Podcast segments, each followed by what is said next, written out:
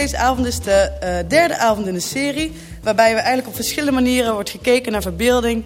En we zijn begonnen met de verbeelding van de natuur. Daarna zijn we hebben we gekeken naar de verbeelding van anderen. En vanavond gaan we kijken naar de verbeelding van het verleden. De serie Denk in de Driehoek wordt mede mogelijk gemaakt door het Oud-Katholiek Seminarie... de Universiteit van Utrecht, de culturele commissie hier uh, van de Gertrudis... en ook de Zalencentrum in de Driehoek. Dank jullie wel allemaal voor het meewerken. Nou, voor vanavond gaan we terugblikken in het verleden. Hoe verhouden we ons uh, tot het verleden? Op welke manier vormt onze identiteit? En hoe kunnen we beeld geven aan ons verleden? En hoe kunnen we het verleden verbeelden? Op deze vragen gaat zometeen Verry Patti, uh, daar gaat hij dieper op in. Met eigenlijk het oog op 70 jaar Molukse geschied, geschiedenis, religie en identiteit. Nou, ik ben benieuwd hoe het verleden verbeeld gaat worden vanavond. Want um, nou, zelfs met mijn leeftijd van 28 jaar heb ik al moeite om mij eh, voor de geest te halen hoe mijn verleden er eigenlijk uitzag. Laat staan wat ik gisteravond gegeten heb. Um, Ferry uh, Patty, is als theoloog en dominee verbonden aan de Molukse kerk. En ik hoop dat ik het goed uitspreek, dus sorry als ik dat niet doe. De Greja Injil Maluku in Amsterdam. Um, en ook wel de Gunung Batu kerk in Amsterdam. Hij houdt zich bezig met de postkoloniale theologie en schreef zijn dissertatie aan de Vrije Universiteit over de Molukse theologie in Nederland. Ik wil graag Ferry Patty naar voren halen. Dank u wel.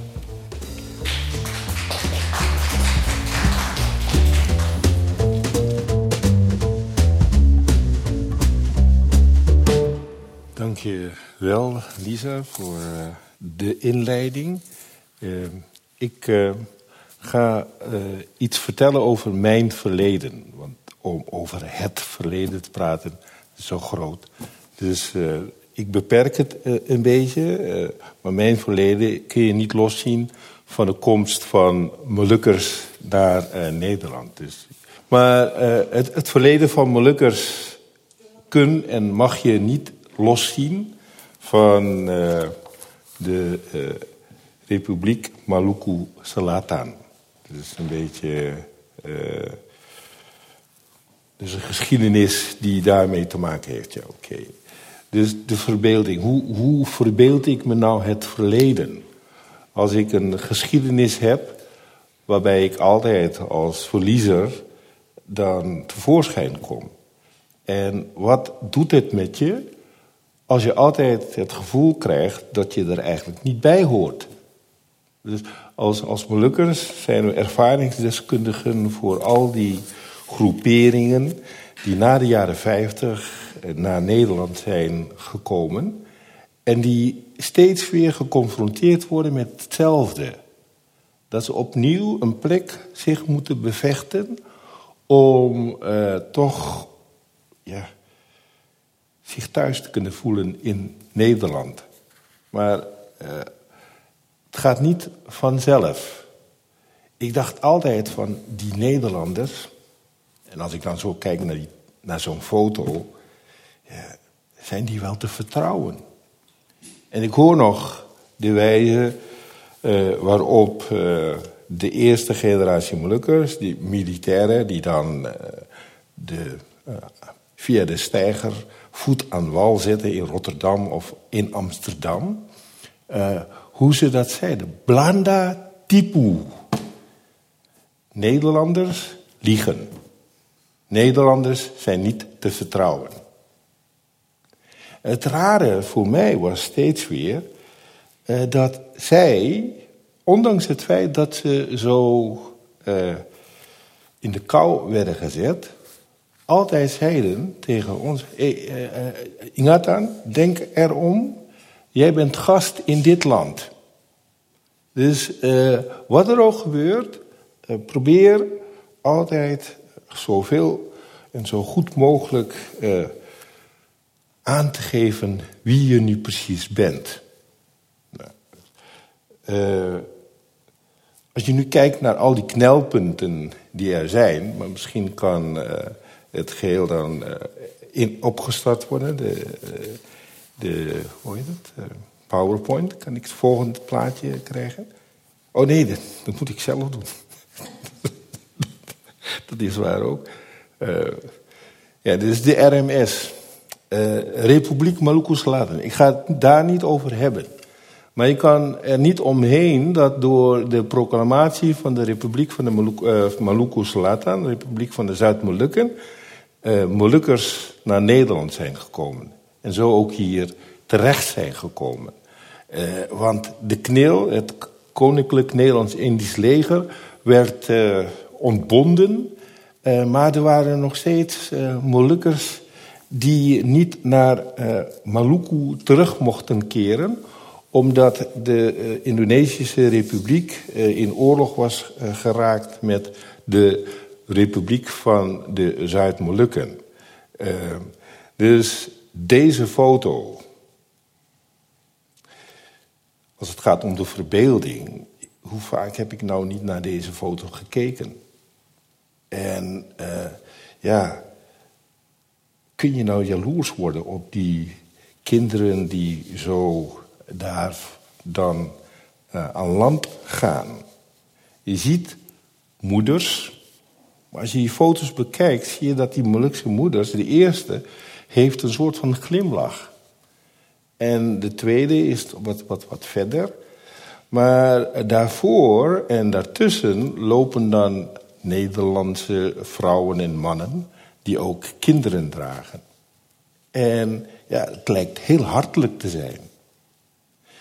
Maar in het verleden, in de geschiedenisboekjes, eh, niet in de boekjes, maar in de verhalen die ik steeds hoorde uh, van uh, Molukkers, was dat de aankomst toch wel heel erg koud was.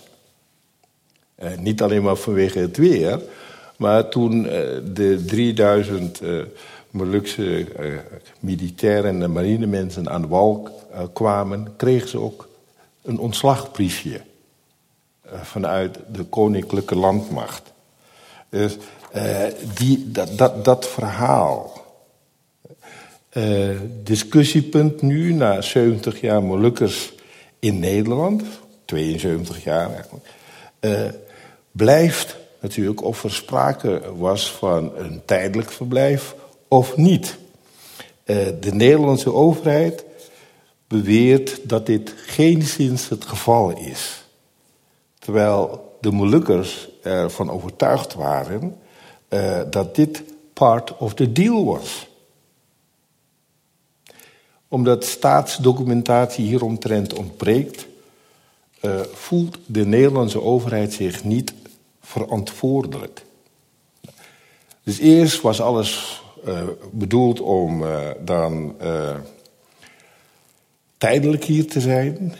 Na vijf jaar kwam de zelfzorgregeling.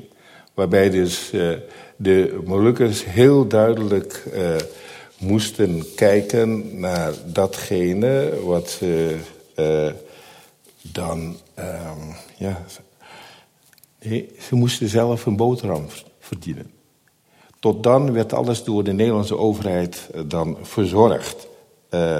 maar nu moesten de Molukse mannen noodgedwongen als kostwinners gaan optreden. En de ex-militairen moesten zich als goedkope arbeidskrachten uh, in de fabrieken dan uh, gedienstig opstellen. Allemaal om hun gezinnen te onderhouden. in 1960 werden de woonoorden ingewisseld door Ambonwijken. Houten barakken eh, werden verwisseld voor semi-permanente woningen.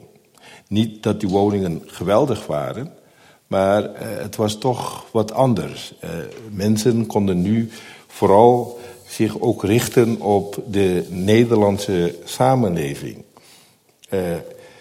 Na 72 jaar Molukkers in Nederland is er vanuit de Molukse wereld nog steeds veel argwaan naar de Nederlandse overheid. Dus uh, heel veel Molukkers die gebruiken daarvoor de twee woorden die ik al aangaf. Om de geschiedenis van Molukkers in Nederland dan samen te vatten. Blanda Tipu. Verbeelding. Ja, wat, wat, wat, wat, wat, wat is dat nou? Hoe moet je dat nou ehm, zien als je een geschiedenis kent waarbij mensen met twaalf schepen naar Nederland overgebracht zijn? Ze moesten wel, want ja, ze konden daar niet blijven. Ze werden gezien als handlangers van de Nederlandse koloniale overheid... Uh, die op verschillende manieren dan allerlei oorlogen hadden uitgevochten. Maar wat moet je nou met zo'n zo'n verleden? Het verleden betekent dat de tijd voorbij is, of die tijd die voorbij is gegaan. Die eerste generatie Molukkers, die vertelden nooit, of die spraken nooit over de overtocht. Die zwegen daarover. Uh, mijn generatie kon vragen wat ze wilden, maar ze kregen niks te horen. Uh, wel als mensen uh, op punt stonden om te sterven. Dan kwamen de verhalen los. Of mensen konden niet verder gaan, de andere kant uh, tegemoet, uh, zonder dat ze allerlei zaken uit handen hadden gegeven. Zonder dat ze vertelden aan, de, ja, of aan hun vrouw of aan hun kinderen dat ze eigenlijk ook wel moordenaars waren. Dat ze ontzettend veel dingen hadden uitgevreten die niet goed te spreken waren. Ik heb ook uh, in de gevangenis gewerkt als protestants geestelijk verzorger. Uh, tot 2018. meer dan 30 jaar heb ik gewerkt met verdachten en veroordeelden. Mensen die iets crimineels gedaan hebben. En die met zo'n verleden moeilijk meer aan de slag konden gaan. Uh, dat heeft mij wel ge geholpen om te kijken naar mijn eigen verleden. Om op een iets andere manier daarmee om te gaan. Want mensen die vastzitten, of het nou in de gevangenis is of daarbuiten, die worden heel creatief. En als ze dan creatief worden, dan zijn ze tot heel veel dingen toe in staat. Dus ik ben wel dankbaar dat ik uh, met uh, criminelen heb mogen, uh, mogen werken. Die hebben me genoeg wijsheid meegegeven om me met mijn eigen bestaan dan ook klaar te komen. dus um, je hebt dit verleden. Hoe, hoe moet je dit nou zien en wie ben je nou als mens? Als je mijn ouders zijn gekomen met het negende schip wat hier dan staat, de Asturias. Uh, dat ging 23 april uh, vertrok het vanuit Indonesië. En het is begin, in mei is het dan aangekomen, 21 mei. Maar dat had ook weer te maken met het feit dat mijn oudste broer geboren werd op 1 maart, Chimagi. Mijn vader was sergeant bij, eh, bij het kneel. En mijn moeder was een dochter van de onderofficier die mijn vader had opgeleid in Chimagi. Dus dan krijg je allerlei zaken die dan in beeld komen. En ik was uh, heel erg gehoorzaam als, als, als kind. Uh, voor hen gold er niks anders dan dat je op school je best deed, cijfers haalde en zorgde dat je diploma's vergaarde. Ik had wat dat betreft toch ook genoeg aan datgene wat ze via mijn broers mij hebben meegegeven. Alleen, ik was als vierde altijd thuis, zeg maar, het gelukskindje. Ik hoefde niks te doen. Mijn e- oudere drie broers die zorgden ervoor dat eh, in het huishouden dat alles geweldig verliep. Ik werd altijd weggestuurd naar buiten. Ik mocht lekker eh, met eh, mijn vriendjes spelen. Dat vond ik geweldig, eh, dat ik dan eh, zulke lieve eh, broers had. Maar als zij niks aan mij vonden, omdat ik dan weer allerlei dingen dan vertelde aan, aan mijn ouders, dan voelde ik wel hoe machtiger zij waren dan ik. Nou.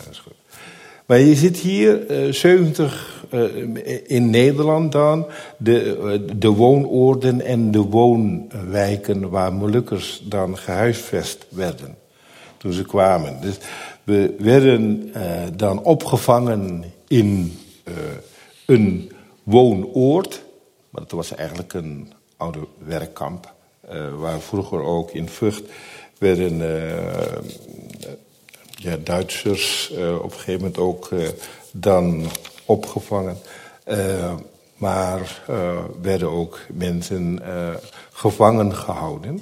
Dus in die setting eh, kregen wij zeg maar lucht van wat er in de Nederlandse samenleving zo zou kunnen gebeuren. Alleen, ehm, ja, je hebt zo'n geschiedenis. En je merkt dat eh, op een bepaalde manier, juist ook door die verbeelding van dat verleden, eh, je je niet altijd kon vinden in datgene wat je, wat je zag. Dus eh, moet je nou het verleden alleen maar statisch beleven? Of kun je dat ook op een iets andere manier zien? En als je nou nu leeft, uh, hoe kun je nou van dat verleden, op basis van de verbeelding van het verleden, uh, je een weg zoeken naar uh, de toekomst toe?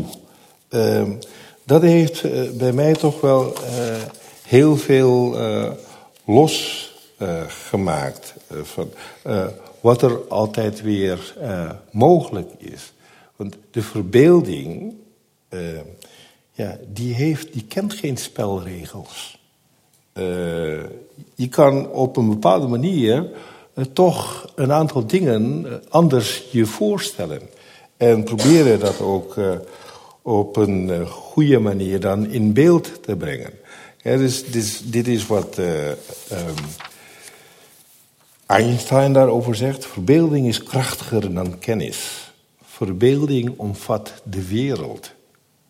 Dus uh, plaatjes, ja, ze zeggen wel dus dat uh, uh, een plaatje meer zegt dan duizend woorden.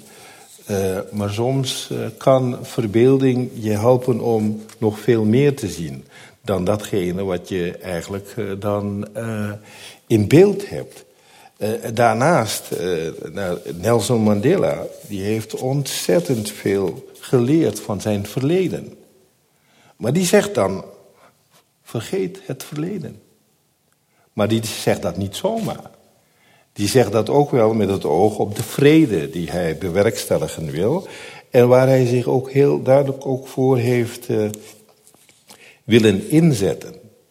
En dat is natuurlijk ook een van de dingen die steeds weer in beeld komen. Van hoe ga je nou om met je, met je verleden?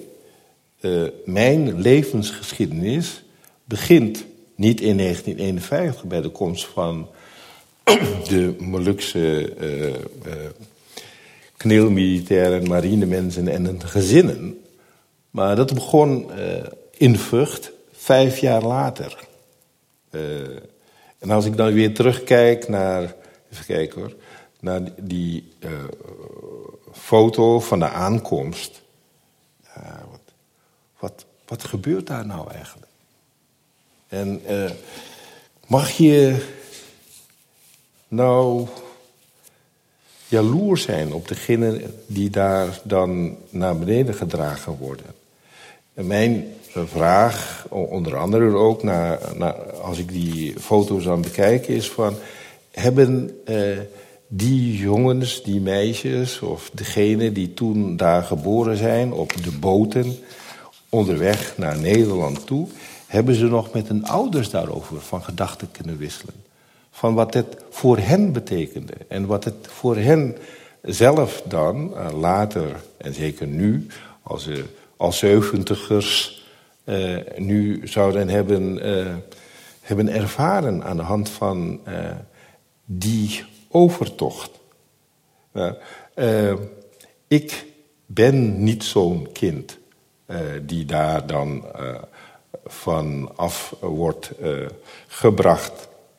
Maar de vraag blijft natuurlijk ook wel van, ja, uh, wie ben ik dan? Wie ben ik nou als persoon? Uh, ben ik meer dan datgene wat Molukkers nu zijn of denken te willen zijn? Wat je hier ziet is barak 1b. En daar staat uh, het museum, uh, of tenminste staat dit is van Nationaal Monument van, van Kamp Vught. Maar dit is een barak waar Molukkers ook dan uh, hebben gewoond. Mijn ouders, en ik heb daar ook tot mijn vijftig gewoond, woonden in barak 30, 30a. maar 1b, daar is nu het Moluks... sorry dat, daar, daar staat nu uh, uh, Nationaal Monument van Kamp Lunetten. En ik ben vorige zomer daar naartoe geweest met mijn kleinkinderen en hun ouders. om ze te vertellen over wat, wat daar dan gebeurde en hoe het kamp ook dienst heeft gedaan als opvangoord voor uh, Molukkers uh, in de jaren uh, 50 tot met nu. Nu is het, staat daar een, een wijk. Uh, toen we door de foto's gegaan waren, fototentoonstelling, vaste tentoonstelling gegaan waren, vroeg mijn kleindochter van toen zeven van Titi, grootvader, bent u echt hier geboren? En uh, haar broertje van, van vijf uh, vroeg, uh, voegde eraan toe: Wij, zijn wij ook Maluku? Een, een, vader is, is een, Nederlander. haar moeder is onze dochter. en de vertwijfeling van, van die kinderen: van, kan toch niet zo, dat kan toch niet waar zijn. Dus ik heb ze beloofd van nou, als jullie wat groter zijn, er waren nog met een eh, neefje van, van, van, van twee, die, die liep, eh, die vond het wel geweldig, maar die kon natuurlijk het helemaal niet volgen. Dus, dus zei, maar nou, als jullie groter zijn, dan kom ik eh, hier met jullie terug en dan vertel ik jullie wel hoe, hoe en wat. Omdat eh, de geschiedenis natuurlijk ook wel iets is wat je, wat je niet hoeft te vergeten. Uh, toen ik opgroeide, werden er geen foto's genomen. Uh, fototoestellen waren een duur goed. En van de drie gulden uh, zakgeld per week, wat onze ouders kregen, konden ze natuurlijk niet zoveel veel zich veroorloven veroorloven. Want sommigen vonden het Nederlands eten niet zo lekker. Dus die hebben hun gelden altijd wel gebruikt om uh, hun eigen uh, uh, zaken te kopen en te koken. Ehm, wat ik wel vanuit Vught dan meeneem, zijn de namen die mijn ouders mij gegeven hebben. Ehm, dit is mijn buurmeisje in Moordrecht heeft als tweede naam Lunetti, Carla Lunetti. Uh, want zij was de duizendste uh, baby die geboren werd in het kamp Vught. Uh, maar ik kreeg van mijn ouders een schat wat ik mijn leven lang meedraag. de namen Evert Simon. Nou, wat, wat, daar is helemaal niks moeilijks aan. Evert, een hele Nederlands-Duitse naam. Uh, dat is een naam uh, wat ik uh, van mijn opa en van mijn vader heb meegekregen. Ik ben vernoemd naar, naar hen. En, en Simon, Dat is een naam waaruit blijkt wat mijn ouders graag zouden willen zien. Simon is een Bijbelse naam. En zij geloofden. En al hun kinderen gaven ze eigenlijk weer steeds weer die uh, dubbele namen.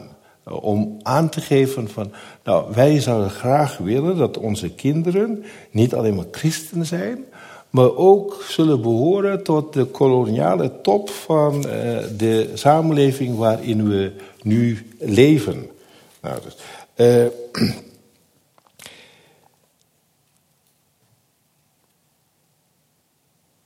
Het rare was dat toen ze in Nederland aankwamen, ze heel duidelijk uh, dan uh, ervoeren dat ze niet welkom waren. Uh, hoe ga je dan met je verleden om? He, dus dit is Stil Verleden. Dat is een, een, een, een boek van een um, Surinaamse... die op een gegeven ogenblik ook dan ervaart wat het is om te ontdekken dat ze eigenlijk ook uh, linken heeft naar het slavenverleden. En uh, hoe, hoe, ga je daar nou mee om? Uh, je wordt er stil van. En, en, en hoe kun je nou op een andere manier daar toch mee aan, aan de slag gaan? Dus voor mij was het mooi om uh, niet alleen maar uh, met uh, gevangenen allerlei dingen te kunnen doen. En daaruit dan te zien dat je vanuit je verleden toch ook wel goed kan werken aan een andere en een nieuwe toekomst. Maar dat je dus ook aan de verhalen van, van anderen. niet alleen maar mensen in de Oost hebben geleden onder uh, het koloniale uh, regime of uh, ja, hebben, niet er, hebben niet alleen maar ervaren wat het kolonialisme heeft kunnen doen met de levens van mensen.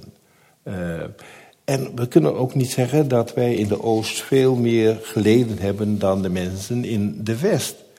Want slavernij, knechting, dat blijft altijd hetzelfde.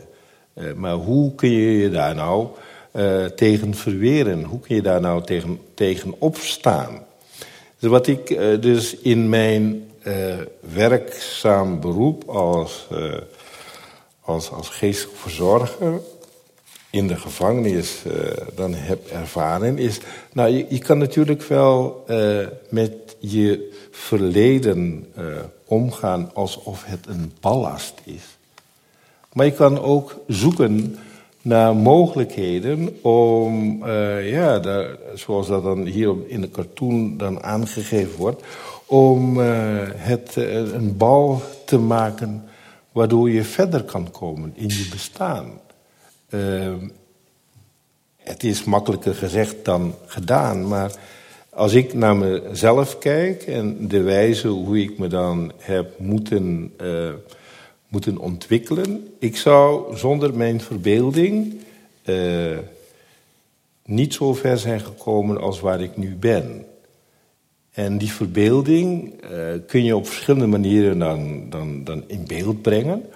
Uh, ja, dat heeft te maken met hoe je kijkt naar het verleden, hoe je durft te kijken naar, het, naar de toekomst en hoe je dan uh, in stilte zoekt naar nieuwe kansen om mensen ervan te doordringen dat jij als uh, verliezer uh, niet altijd een verliezer hoeft te blijven. En dat je, ook al heb je de geschiedenis van jezelf niet geschreven, dat je dus ook op kan staan en kan aangeven dat je niet hoeft te beantwoorden aan datgene wat mensen je voorschrijven. Uh, dus, dus, dat zijn wel dingen die voor mij wel heel, heel erg belangrijk zijn geweest. Uh, dus dat je ook aan kan geven dat je als mens tot veel meer in staat bent dan datgene wat je ooit gedacht hebt. Uh, het begon hier. Dit is het schoolplein van de christelijke Ambondschool in Moordrecht. Dit is een groep na mij. Dus, maar ik ben uh, op een gegeven ogenblik van dat schoolpleintje afgekomen. Waarom? Omdat er in Moordrecht niet genoeg ruimte was voor uh, ons om de vierde klas van de lagere school dan, dan te volgen. Wij mochten naar Gouda, Gouda West, om de lagere school dan te doen. En degene na ons, die hebben niet meegemaakt wat wij hebben meegemaakt. Wij moesten elke maand naar het gemeentehuis, naar het raadhuis, om een buskaart te halen. Want uh, de reizen, het onderwijs, wat wij genoten, dat werd betaald door de staat. Dat ging door tot 1966. Uh, en eigenlijk, ja, toen ik naar de middelbare school ging, toen zag ik hoe mijn vader elke keer, ja, ja nu moet je, ja, we hebben geen geld, maar je, je, moet even wachten met het kopen van je maandkaart. Want de ouders moesten toen alles voor hun rekening nemen. Toen werd alles een beetje afgebroken. Maar daar heeft, heeft, dat heeft natuurlijk ook voor veel woede gezorgd binnen de Molukse samenleving. Toen dat allemaal werd afgesloten. Kijk, wat ik dan, als ik daarnaar kijk, naar, zo'n foto, ja, dan. Daarachter dan die Nederlandse huizen, aan, aan de zijde waarvan dan de foto genoemd, uh, genomen werd, zie je eigenlijk de Molukse wijk. Ja, wat heeft mijn ouders nou bewogen om toch te verhuizen naar Moordrecht? En voor mezelf dan, zou ik dat als ik in hun schoenen zou staan. Zou ik dat wel gedaan hebben of niet? Hij heeft later, mijn vader heeft later in de vatenfabriek van, Leer, uh, van Van Leer in Pernis dan zijn uh, werk uh, gevonden.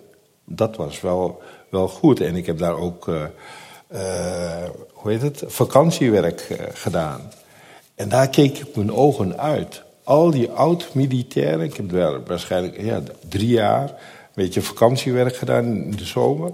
En dan zag ik al die ooms, al die mannen noemen wij dan ooms, al die ooms, al die militairen, die dan uh, ja, heel gezellig uh, aan het werk waren met een Nederlandse en Spaanse, Portugese, Marokkaanse collega's.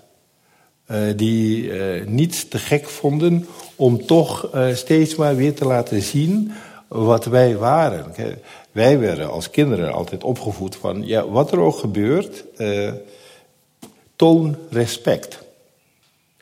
toon dat je van goede huizen bent. Zorg ervoor dat je niet ons beschaamt. Nou, daar zag ik hoe zij tijdens hun werk met veel plezier allerlei dingen deden. Terwijl ik woest was, boos was op die Nederlanders. Uh, waarom hebben ze dat nou met mijn ouders toen uh, gedaan? dus zoals ik zei, op dat schoolpleintje heb ik geleerd wat het is om te kunnen voldoen aan de de, de, de eisen van mijn ouders. Zorgen dat ik goede rapporten krijg, goed scoren. Elke keer als ik weer een klas omhoog ging, was er dan een meester of een juf. Oh, jij bent er weer eentje van Patty. Oké, oké, oké. Jij moet maar nu laten zien dat jij veel... Nee, nou nee, dat lukt je toch niet. Je broers waren zo goed, jij wordt niks. Nou, dat heeft me wel geholpen om wat dat betreft er het beste eruit te halen. Maar, uh, dus dat was iets. Uh, scoren, zo hoog mogelijk. En mijn ouders trots maken. Dat ze met onze rapporten iedereen, dan, uh, iedereen toegingen en dat lieten zien. Nou, maar zij deden ook alles om ons goed onderwijs te laten volgen. Luisteren was de opdracht niet luisteren geen optie. En elke keer weer als je wat wilde doen op, op school, dan moest je dat uh, doen met je hoofd gebogen. Want je mocht de meester of de juf niet aankijken. Nou, dus dat zijn allemaal zaken die ik later dan allemaal heb moeten inhalen. Maar toch ben ik blij dat ik die oriëntatieperiode op uh, het leven gekregen heb in de luxe wijk uh, van Moordrecht. Het was een gesloten bolwerk. Uh, de verzuiling is nu totaal weg in de Nederlandse setting, maar uh, uh, ik kon spelen waar ik wilde in de wijk. Ik hoefde naar school alleen maar een bruggetje over te gaan en ik was er. Uh, de kerk stond op het terrein. Ja. Pas op een tiende ging ik dat schoolpleintje af. Ging ik naar een school in Gouda. En zag ik opeens dat er veel meer was dan alleen maar de wijk. Elke keer was de busreis naar uh, Gouda een belevenis. Uh, en elke keer weer ontdekte ik dat als je naar de stad wilde, je toch wel een hele omweg moest maken. En dat je veel beter gewoon de bushalte heel dicht bij school kon nemen, zodat je naar huis kon.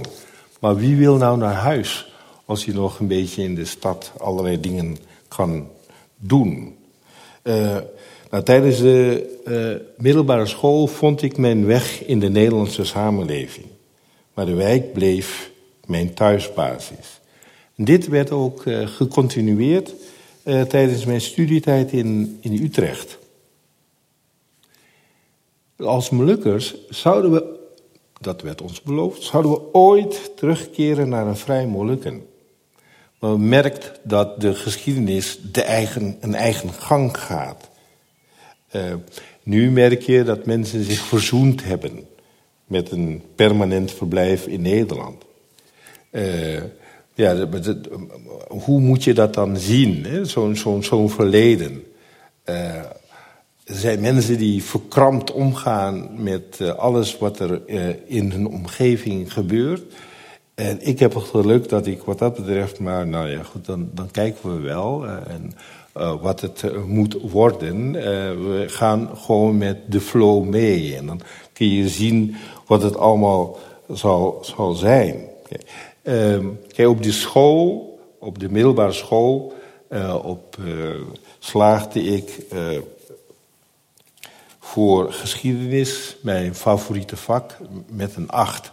Maar die had ik ook nodig, want ik had voor wiskunde een vier.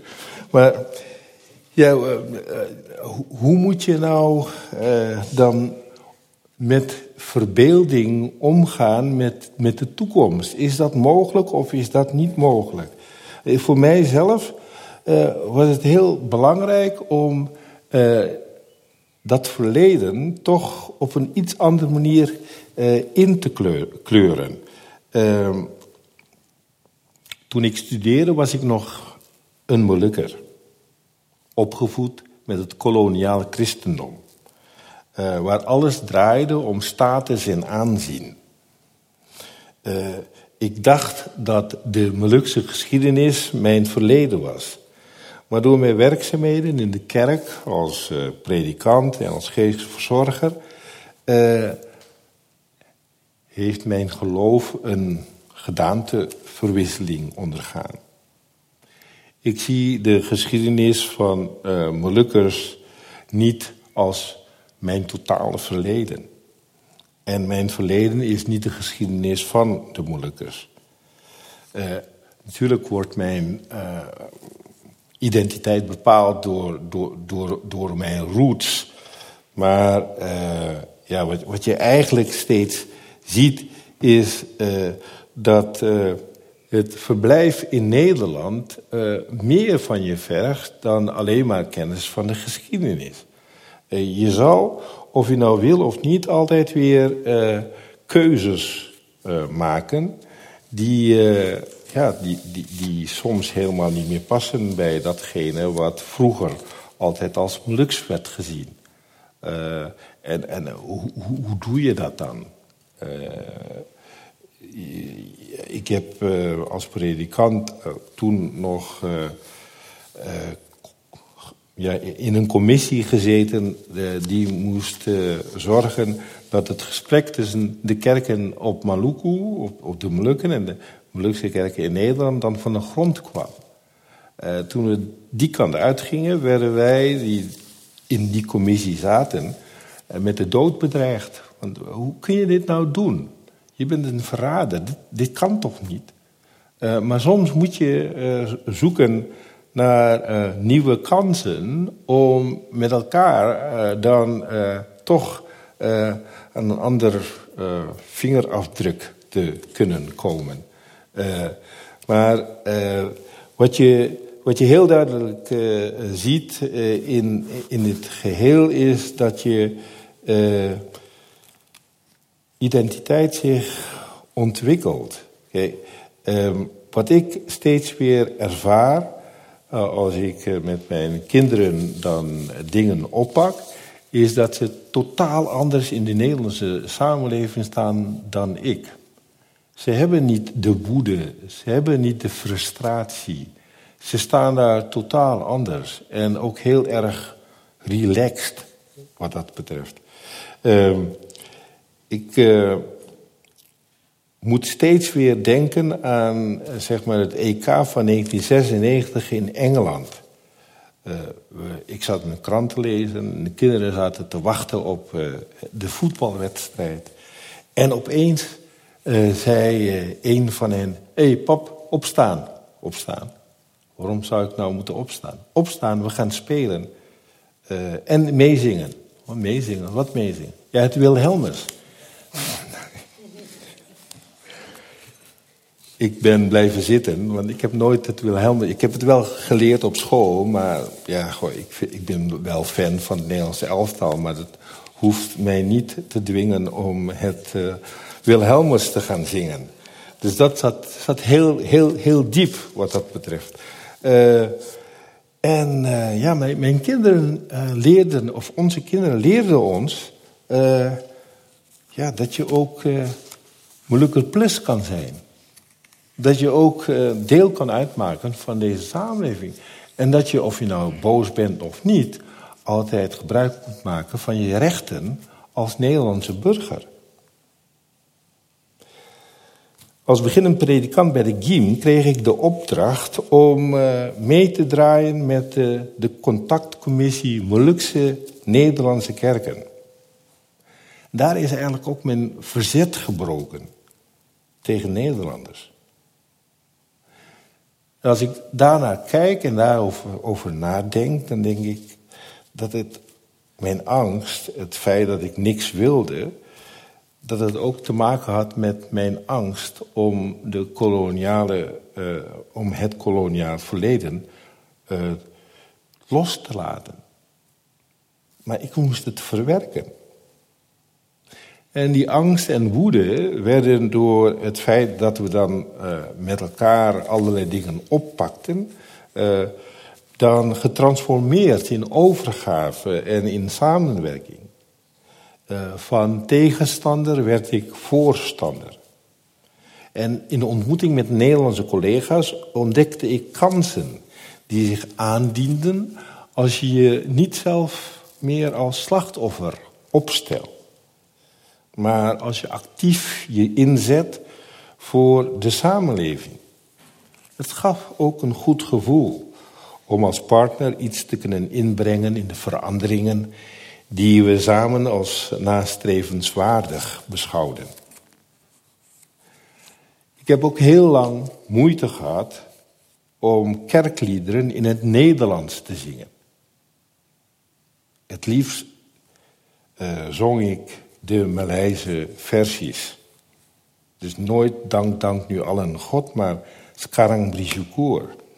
En als het lied in het Nederlands in de liturgie werd afgedrukt, dan zong ik toch de Maleise versie. Of neuriede mee. Het blijft toch een vreemde gewaarwording, omdat ik eh, vanaf het begin van mijn predikantschap altijd koos om tweetalig te preken. Uh, maar mijn houding heeft ook te maken met de wijze waarop ik naar de ander kijk. In mijn drang naar perfectie werd ik uh, onrustig en vergeleek ik me te veel met, met, met veel anderen. Met anderen. Maar in mijn bestaan als vader en als pastor leerde ik dat de sleutel tot verstaan ligt in de wijze hoe ik naar de ander luisteren wil. De focus blijft uh, hoe je om wil gaan met anderen, met respect of zonder. En elke keer weer leerde ik dat ja, mensen toch krachtdadig kunnen zijn. Dat mensen toch ontzettend creatief kunnen zijn. Dat mensen toch veel meer kunnen dragen dan ze zelf uh, zouden willen. Dus elke keer weer was dat voor mij de vraag. Wil ik me nu wijden aan de ander of uh, ben ik nou iemand die samen met de ander de weg van verbondenheid en solidariteit wil gaan?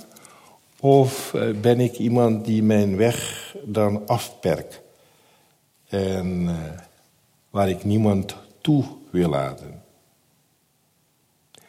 Ik merk dat uh, in alles wat ik doe, ik uh, steeds weer gedragen word door datgene wat ik dan uh, mijn spiritualiteit noem. wat, wat, wat te maken heeft met de wijze hoe ik dan geloof. dat ik dus op een gegeven moment ook heb ervaren dat niet alleen maar mensen buiten de gevangenis, maar ook uh, maar ook mensen binnen de gevangenis, ontzettend veel uh, van waarde kunnen zijn voor je eigen ontwikkeling. En voor de, de, de wijze hoe je nou kunt zoeken naar uh, een nieuwe wereld. Waarin je plek gunt aan elkaar. Dus dus voor mij is de verbeelding vanuit mijn geloof, zeg maar, de werking van de geest. Die stelt mij in staat om samen te werken aan een andere toekomst met mensen. Uh, mensen hebben ook, net zoals ik, het uh, van God gekregen, de genade om goed te kunnen doen. 16 mei, gisteren, was het de interna internationale dag van, uh, de, van uh, het samenleven in vrede. Maar hoe doe je dat nou? Uh, als, een, als je een gekleurd verleden hebt en een geschiedenis kent waarin je steeds aan de verkeerde kant stond. Hoe investeer je nou in een toekomst op basis van je levensverhaal? En wat is daarbij dan de rol van verbeelding. Nou, van uh, Peter van Dreumel kwam ik aan, die, uh, aan dat vingerafdrukje, maar dat bestaat eigenlijk uit 50 uh, eh, kernwaarden, 50 powerwoorden, die je eigenlijk steeds weer moet gebruiken om los te komen van het feit dat je je een pion voelt. om iemand te zijn die iets kan bijdragen aan uh, het leven wat op een goede manier met elkaar dan ingericht kan worden. Uh, er zijn vijftig woorden, maar het begint met liefde. Uh, ergens middenin heb je dan verdraagzaamheid. En als laatste woord staat er, in het, tenminste het rijtje wat ik hier dan heb, staat zorgzaamheid. Maar het is bijzonder om dan te zien hoe dat nou precies in elkaar zit. Wat een genade als je uh, op basis van het verleden samen aan een nieuwe gezamenlijke toekomst kan werken. Door het samen ook te verbeelden. Uh, waarbij je recht doet aan de verschillende verhalen die we allemaal hebben. En waarbij je dus ook uh, ziet dat dat alleen maar kan als je je samen inzet aan de totstandkoming van een nieuwe wereld. Molukkers zeggen dat ze uniek zijn, maar eigenlijk zijn we niet bijzonder. Wel uniek. Ons verhaal kent een eigen context, maar het loopt parallel uh, met die van andere volken, die ook strijden voor uh, vrijheid en onafhankelijkheid, die protesteren tegen uh, onderdrukking en onrechtvaardigheid. net als elk volk hebben wij recht op vrijheid en op onafhankelijkheid. Dus dat bijzonder verhaal mag, mag gekoesterd worden. Maar daar waar zij in Nederland niet konden rekenen op een warm welkom in het land van de kolonisator, daar hebben ze op eigen kracht geschiedenis geschreven. En het is een geschiedenis wat niet samenvalt met de geschiedenis van de overwinnaars. Maar wat heel duidelijk mooi is uh, in dat plaatje van die pionnen. Het zijn vijf pionnen. En ze staan zo dat als je naar de schaduw kijkt, je ziet dat ze gekroond zijn met de kroon. Uh, waarom ik dat gedaan heb? Uh, om niet alleen maar te laten zien dat outsiders ook uit uh, de schaduw kunnen komen... of dat de schaduw van outsiders ook een kroon kunnen zijn... maar het woordje Maluku, MLK, melech, dat is het Hebreeuwse voor, woord voor koning. Uh, ja, uh, Maluku, dat heeft ook Arabische, Hebreeuwse linken. Het heet koningen. Moeilijkers, of ze dat nou willen of niet, kunnen en zijn ook koningskinderen. Dank u wel.